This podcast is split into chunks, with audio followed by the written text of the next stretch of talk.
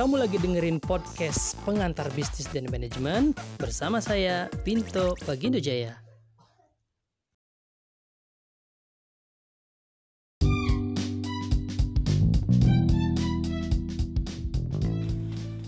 Assalamualaikum, selamat pagi teman-teman semua. Gimana kabarnya hari ini? Balik lagi kita di podcast barengan Pintu Bagindo Jaya dan masih di pengantar bisnis dan manajemen.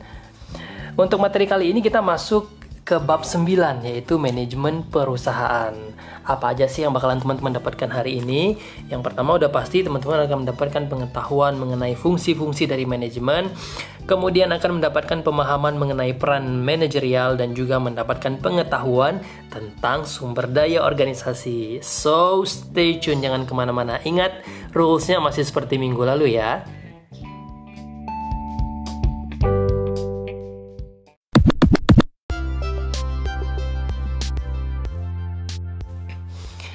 Oke guys, langsung saja kita mulai dengan pembahasan yang pertama yaitu tentang fungsi-fungsi dari manajemen. Menurut Kons, berpendapat bahwa fungsi manajemen dapat dikelompokkan ke dalam lima fungsi, yaitu planning, organizing, staffing, leading, dan juga controlling. Kelima fungsi tersebut dilaksanakan secara simultan untuk menjamin tercapainya tujuan perusahaan. Nah, kita bahas satu-satu nih guys ya. Yang pertama adalah planning. Planning adalah suatu proses pengembangan tujuan-tujuan perusahaan serta memilih serangkaian tindakan untuk mencapai tujuan-tujuan tersebut. Perencanaan mencakup menetapkan tujuan, mengembangkan berbagai premis mengenai lingkungan perusahaan di mana tujuan-tujuan tersebut hendak dicapai, yang ketiga, memilih arah tindakan untuk mencapai tujuan-tujuan tersebut, lalu merumuskan berbagai aktivitas yang diperlukan untuk menerjemahkan rencana menjadi aksi dan melakukan perencanaan ulang untuk mengkoreksi berbagai kekurangan dalam perencanaan yang sebelumnya. Jadi itu fungsi planning ya guys ya. Selanjutnya adalah organizing. Organizing adalah suatu proses di mana karyawan dan pekerjaannya dihubungkan satu sama lain untuk mencapai tujuan perusahaan. Pengorganisasian mencakup pembagian kerja di di antara kelompok dan individu, serta pengorganisasian aktivitas individu dan kelompok. Pengorganisasian mencakup juga penetapan kewenangan manajerial.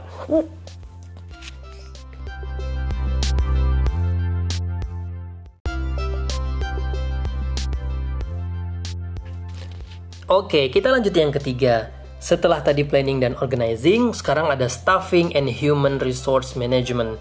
Penyusunan staf serta manajemen sumber daya manusia adalah suatu proses untuk memastikan bahwa karyawan yang kompeten dapat dipilih, dikembangkan dan diberi imbalan untuk mencapai tujuan perusahaan. Penyusunan staf serta manajemen manajemen uh, manajemen sumber daya manusia yang efektif mencakup pula penciptaan iklim kerja yang memuaskan semua karyawan. Selanjutnya adalah leading and interpersonal influence. Memimpin serta mempengaruhi interpersonal adalah suatu proses memotivasi individu atau rekan kerja, baik itu atasan, bawahan, atau juga non-bawahan, atau kelompok agar mereka dapat membantu secara sukarela dan harmonis dalam mencapai tujuan perusahaan. Disebut juga pengarahan dan juga pelaksanaan. Jadi ini penting banget ya leading dan interpersonal influence ini. Jadi dia memastikan bagaimana dia bisa memimpin dan mempengaruhi. Karena hakikatnya sih seorang pemimpin itu adalah bagaimana dia bisa memberikan pengaruh kepada orang lain dan perusahaan sangat perlu sekali ini ya. Selanjutnya adalah controlling. Pengendalian adalah suatu proses memastikan adanya kinerja yang efisien untuk mencapai tujuan-tujuan perusahaan. Pengendalian ini mencakup yang pertama menetapkan berbagai tujuan dan standar, yang kedua membandingkan kinerja sesungguhnya yang diukur dengan tujuan dan standar yang telah ditetapkan, serta yang ketiga mendorong keberhasilan dan mengkoreksi berbagai kelemahan. Nah, itu dia tadi ya guys ya fungsi-fungsi dari manajemen mencakupi planning, organizing, staffing and human resource management, leading and interpersonal influence dan juga controlling. Jadi ada lima ya guys.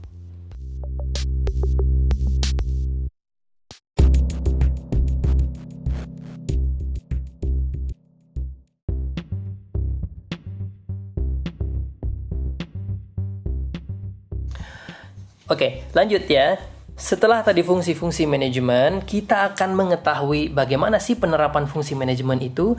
Fungsi pertama yang dijalankan oleh seorang manajer adalah perencanaan atau planning, yaitu suatu proses mengembangkan tujuan-tujuan perusahaan serta memilih serangkaian tindakan atau strategi untuk mencapai tujuan-tujuan tersebut. Fungsi perencanaan akan memberikan arah usaha perusahaan dengan menetapkan terlebih dahulu tujuan yang ingin dicapai oleh perusahaan.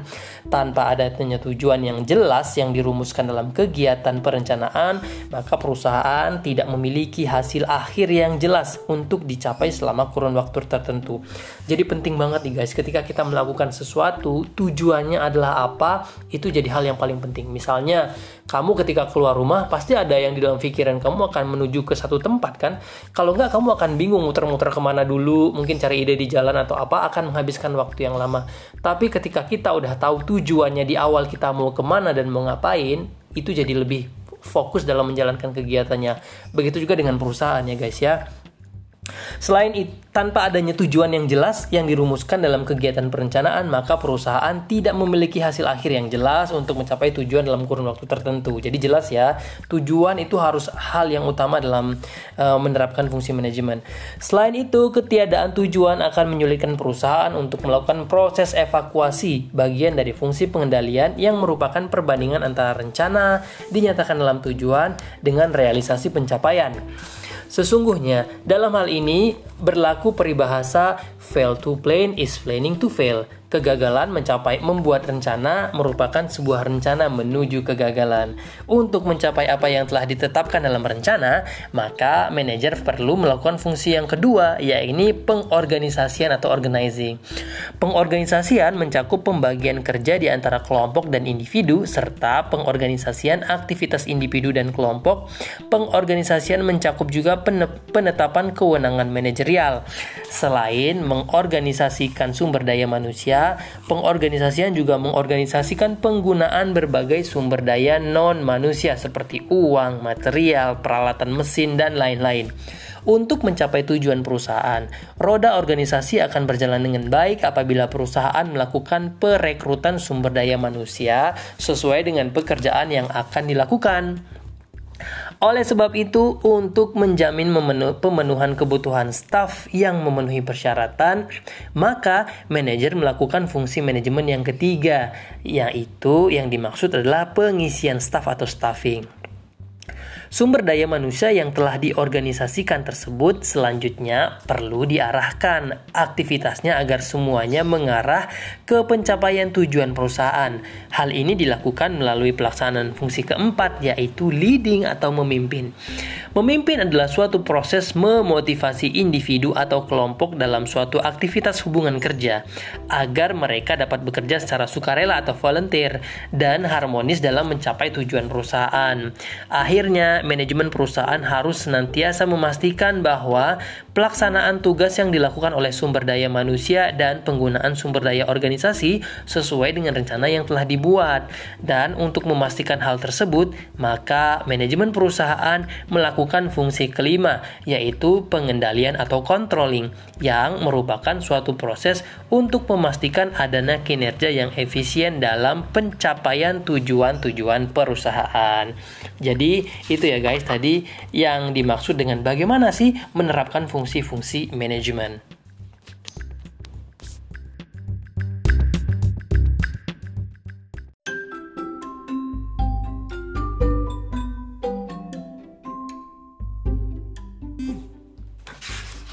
Oke okay guys, seperti yang sudah kita bilang, rulesnya seperti minggu lalu ya sekarang. Jadi biar kamu bisa mendengarkan podcast ini dari awal sampai habis, kamu akan mendapatkan beberapa pertanyaan di sela-sela uh, podcast ini berlangsung.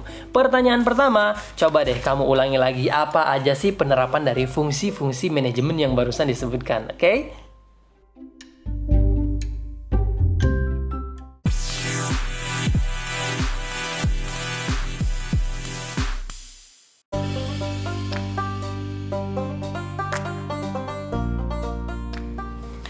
Well, kita balik lagi. Ingat ya, tadi pertanyaannya harus dijawab satu-satu ya. Baik, selanjutnya adalah peran dari manajerial. Kita bahas tentang peran manajerial nih guys ya.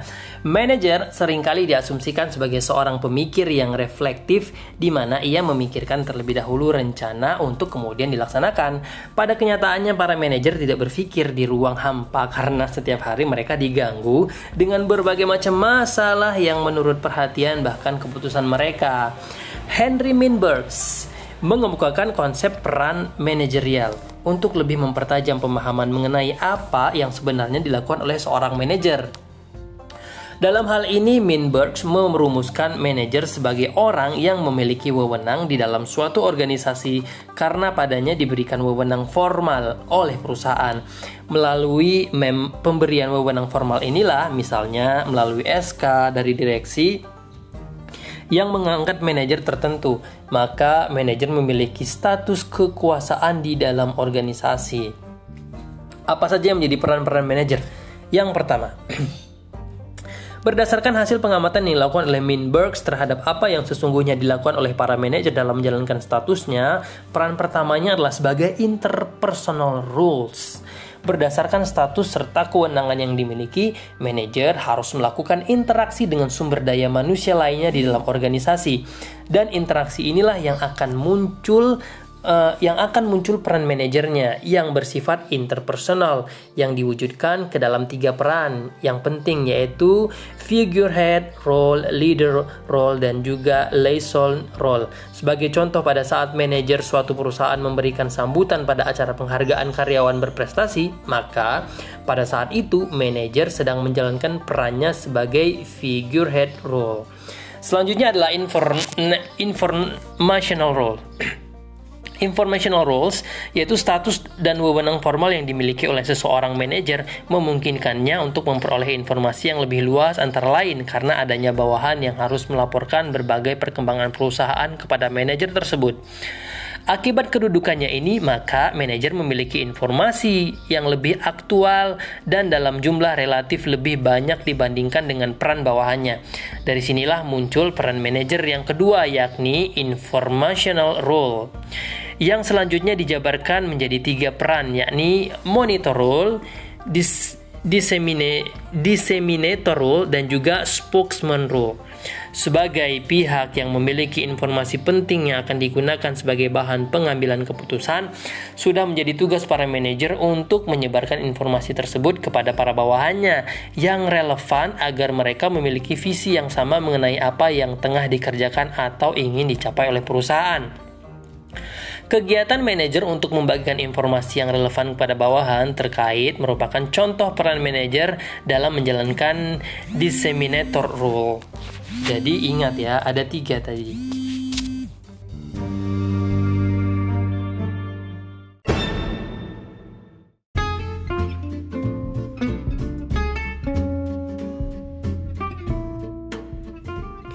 Well, kita lanjut nih tentang keahlian manajerial atau managerial skill. Ini bagian dari peran manajerial ya guys ya. Baik, manajer menjalankan fungsi maupun perannya untuk menggunakan keahlian manajerial yang mereka miliki. Studi awal yang dilakukan oleh Robert L. Coates pada tahun 1970-an menunjukkan bahwa peran manajer yang efektif harus memiliki tiga keahlian Ketiga keahlian tersebut adalah yang pertama technical skills, yang kedua human skills, dan yang ketiga conceptual skills. Oh ya, anyway, sebelumnya kita masuki tugas yang kedua dulu ya. Tadi tugas pertama sudah, tugas yang kedua adalah pertanyaannya. Coba deh kamu gambarkan peran manajerial. Nanti akan di-share di grup ya. Oke. Okay? Tugas keduanya adalah soal nomor dua, gambarkan peran manajerial dan jelaskan. Oke. Okay? Baik, kita lanjut tentang keahlian manajerial atau manajerial uh, skill tadi. Yang pertama adalah technical skill.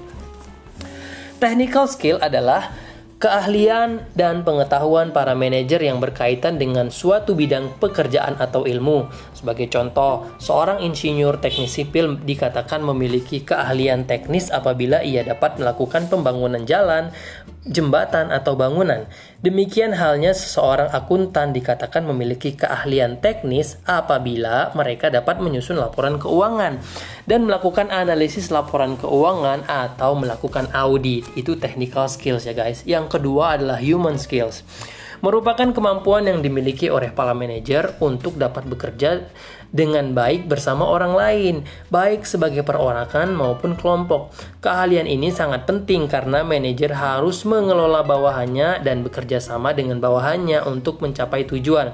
Para manajer juga harus mampu menjalin kerjasama dengan manajer yang lain dengan departemen yang berbeda untuk mengejar tujuan perusahaan secara umum. Yang ketiga adalah conceptual skills. Conceptual skills yaitu kemampuan yang harus dimiliki oleh manajer untuk mengkonseptualisasikan situasi yang abstrak dan kompleks. Dalam hal ini, manajer harus dapat memandang organisasi secara keseluruhan dan memahami hubungan antara unit-unit organisasi. Manajer juga harus dapat memvisualisasikan bagaimana organisasi secara keseluruhan dapat menyesuaikan diri terhadap perkembangan lingkungan yang terjadi. Jadi ingat ada tiga skill tadi ya guys ya. Yang pertama technical skills, yang kedua human skills, dan yang ketiga adalah conceptual skills.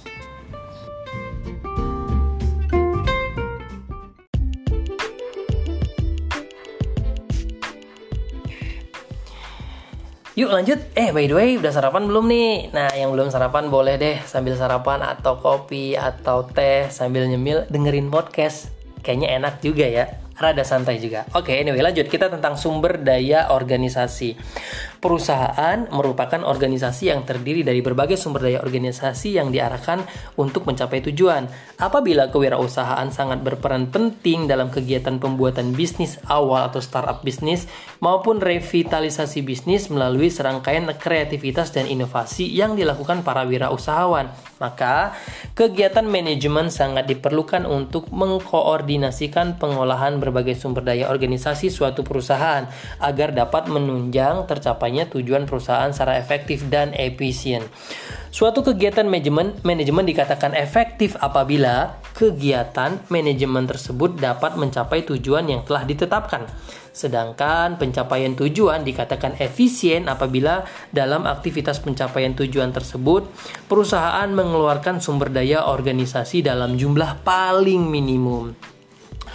Konsep efektivitas dan efisien harus dipandang secara simultan dalam pencapaian tujuan organisasi. Pencapaian efektivitas maupun efisiensi yang terpisah satu sama lain dapat mengakibatkan kerancuan. Sebagai contoh, mengurangi gaji karyawan dapat dipandang sebagai langkah efisien dilihat dari sisi pengorbanan sumber daya organisasi. Tetapi, pengurangan gaji karyawan akan menimbulkan penurunan semangat kerja atau moral karyawan sehingga akan mempengaruhi kinerja dan berpengaruh terhadap output organisasi. Dengan demikian, dengan demikian efisiensi dapat yang dilakukan perusahaan menimbulkan ketidakefektifan pencapaian tujuan. Nah, jadi dalam sumber daya organisasi ini ada beberapa scoop nih. Saya hitung jadi 1, 2, 3, 4, 5, 6. Ada lebih kurang 8 scoop. Apa aja? Yuk kita dengarkan yang selanjutnya.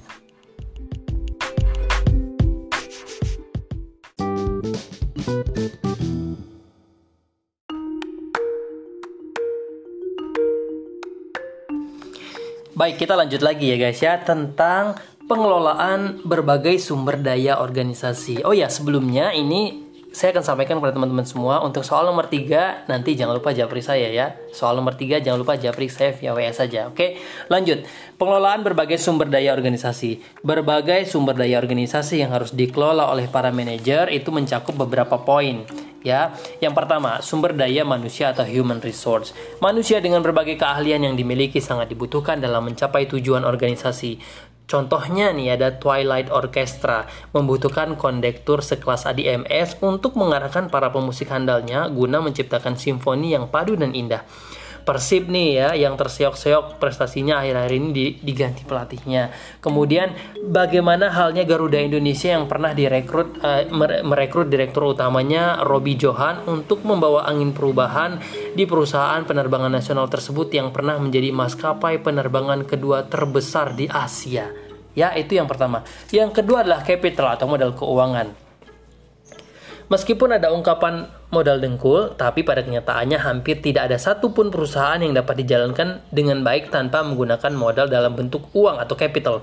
Kekurangan modal usaha terbukti menjadi pemicu bagi terjadinya kebangkrutan usaha.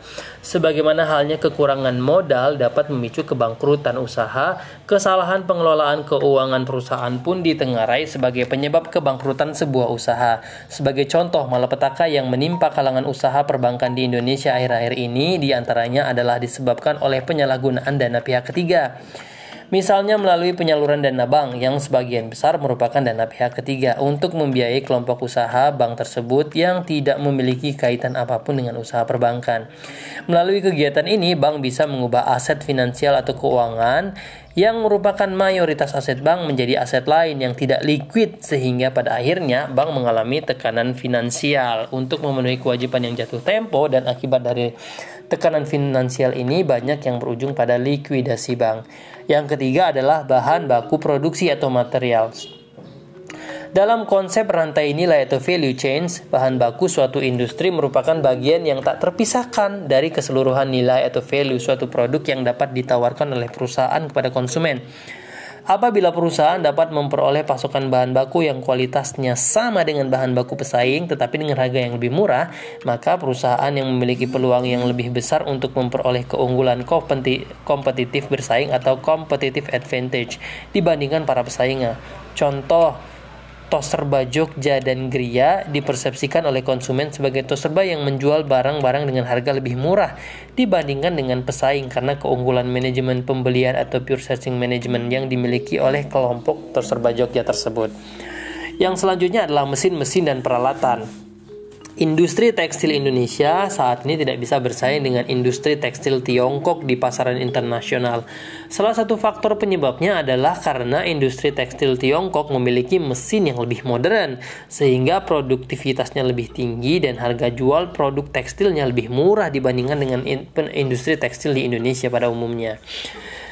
Yang kelima adalah teknologi. Teknologi merupakan pemicu terjadinya perubahan atau change drive. Hadirnya teknologi baru dapat mengubah peta persaingan usaha di suatu wilayah, persaingan yang sama sekali baru.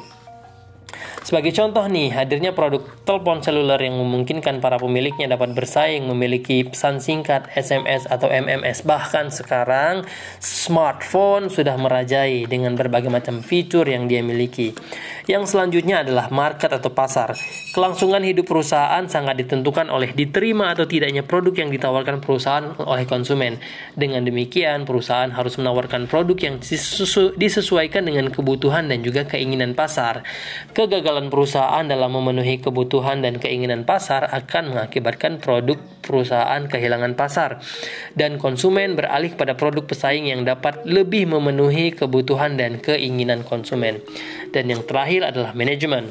Sumber daya organisasi tidak akan memberikan kontribusi yang optimal terhadap pencapaian tujuan perusahaan seandainya sumber daya organisasi tersebut tidak dikoordinasikan oleh suatu kegiatan manajemen yang memungkinkan perusahaan mencapai tujuan yang diinginkan secara efektif dan efisien. Kegiatan manajemen dibutuhkan sebagai berba pada berbagai segi organisasi. Manajemen dibutuhkan dalam organisasi perusahaan berskala kecil maupun besar. Manajemen diperlukan baik dalam organisasi yang berorientasi mencari laba atau profit seeking maupun pada organisasi nirlaba atau non-profit seperti rumah sakit, organisasi perlindungan satwa langka seperti WWF. Kemudian manajemen juga dibutuhkan pada setiap area organisasi baik dalam bidang sumber daya manusia, produksi, pemasaran, dan lain-lain.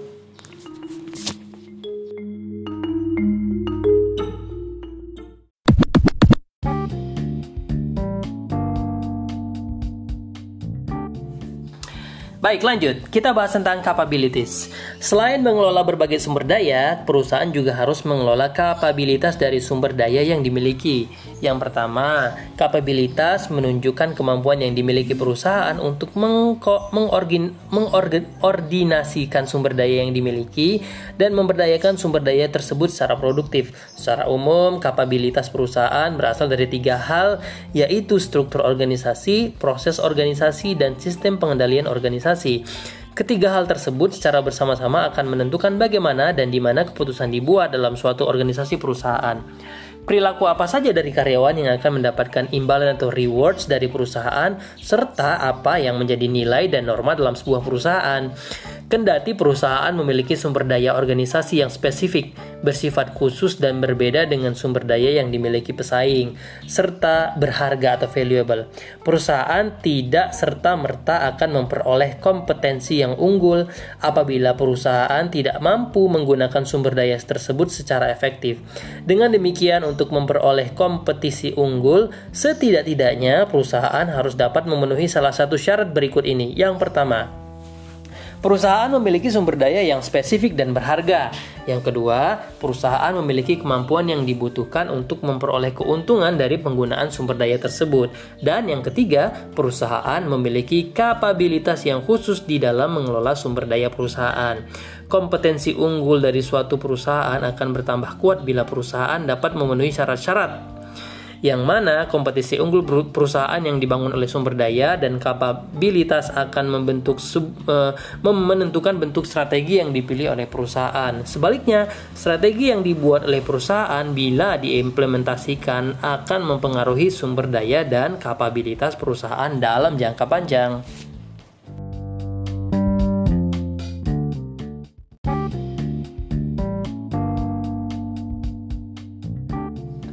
Baik, selanjutnya adalah keunggulan bersaing atau competitive advantage.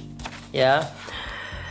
Manajemen strategik merupakan serangkaian keputusan tindakan manajerial yang dihasilkan dari proses formulasi dan implementasi rencana dengan tujuan untuk mencapai keunggulan bersaing. Bila definisi ini dikaitkan dengan terminologi manajemen, maka manajemen strategik dapat pula didefinisikan sebagai proses perencanaan, pengarahan atau directing, pengorganisasian dan pengendalian berbagai keputusan dan tindakan strategis perusahaan dengan tujuan untuk mencapai keunggulan bersaing. Tujuan yang ingin dicapai melalui penerapan manajemen strategik oleh perusahaan adalah diperolehnya keunggulan bersaing.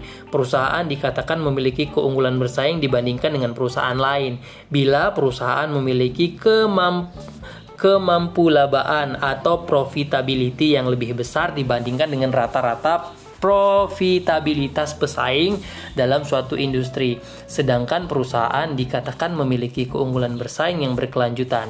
Bila perusahaan mampu mempertahankan profitabilitasnya di atas profitabilitas rata-rata industri selama bertahun-tahun. Baik, pertanyaan yang keempat nih ya guys ya. Coba deh kamu cari googling aja di internet contoh perusahaan yang memiliki keunggulan bersaing yang bagus ya. Searching aja. Oke, itu pertanyaan nomor empat ya.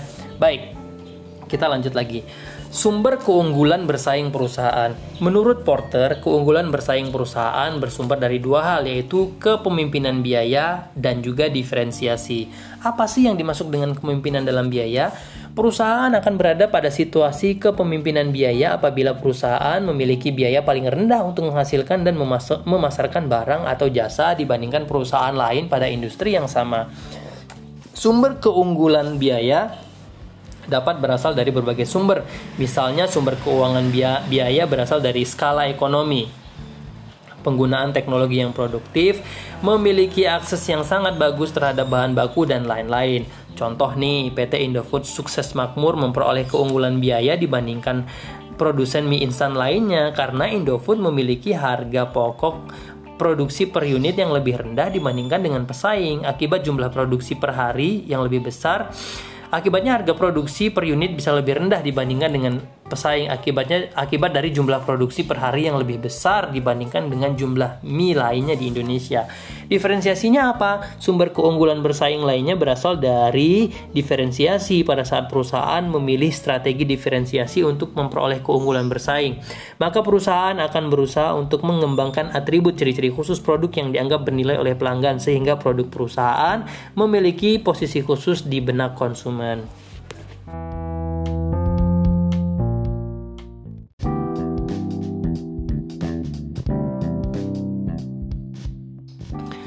Baik guys, kita lanjut lagi ke indikator keunggulan bersaing usaha. Bagaimana suatu perusahaan mampu mengukur apakah perusahaan memiliki keunggulan bersaing atau tidak. Barney and Hersley menjelaskan beberapa indikator yang dapat dijadikan acuan untuk menilai keunggulan bersaing perusahaan yang mencakup indikator-indikator kinerja akuntansi dan juga kinerja ekonomi. Yang pertama, indikator kinerja akuntansi. Melalui analisis terhadap laporan keuangan sebuah perusahaan, maka akan diperoleh informasi mengenai kinerja akuntansi atau accounting performance sebuah perusahaan baik dilihat dari sisi profitabilitas maupun rasio-rasio keuangan. Dengan membandingkan kinerja akuntansi sebuah perusahaan dibandingkan perusahaan-perusahaan lainnya dalam suatu industri, maka akan diperoleh, dapat diperoleh gambaran mengenai kinerja perusahaan dibandingkan dengan pesaing, yakni apakah perusahaan memiliki keunggulan bersaing atau tidak. Dan yang kedua adalah indikator kinerja ekonomi. Indikator lainnya yang digunakan untuk mengukur keunggulan bersaing perusahaan diperoleh melalui analisis kinerja ekonomi yang di dalamnya mencakup biaya modal atau cost capital. Perusahaan memiliki dua sumber utama modal, yakni dari para penanam modal atau stakeholders dan para pemberi pinjaman atau creditors. Modal yang berasal dari para pembeli pemberi pinjaman akan menimbulkan cost of debt, sedangkan modal yang berasal dari para penanam modal akan menimbulkan cost of equity. Secara bersama-sama, komponen biaya modal tersebut akan membentuk apa yang disebut sebagai biaya modal rata-rata. Perusahaan dikatakan memiliki keunggulan bersaing bila perusahaan memperoleh tingkat pengembalian investasi yang lebih besar dibandingkan dengan biaya modalnya dibandingkan perusahaan lain dalam suatu industri. Perusahaan yang memperoleh tingkat pengembalian lebih besar dibandingkan biaya modal akan lebih mudah untuk memperoleh tambahan modal karena baik para penanam modal maupun para pemberi pinjaman akan berebut untuk menambah dana bagi perusahaan seperti ini. Artinya itu sangat menguntungkan ya guys ya.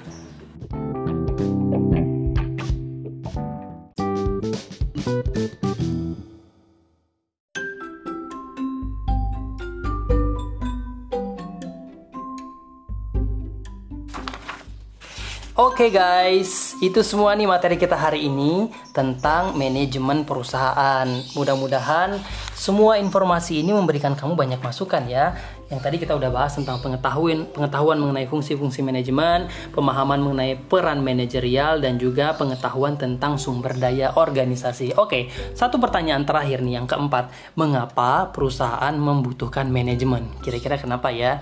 Ya udah, jangan lupa kirim jawabannya yang lengkap, oke? Terima kasih banyak udah menyimak podcast hari ini. Mudah-mudahan kamu semua sehat. Sampai ketemu minggu depan. Salam.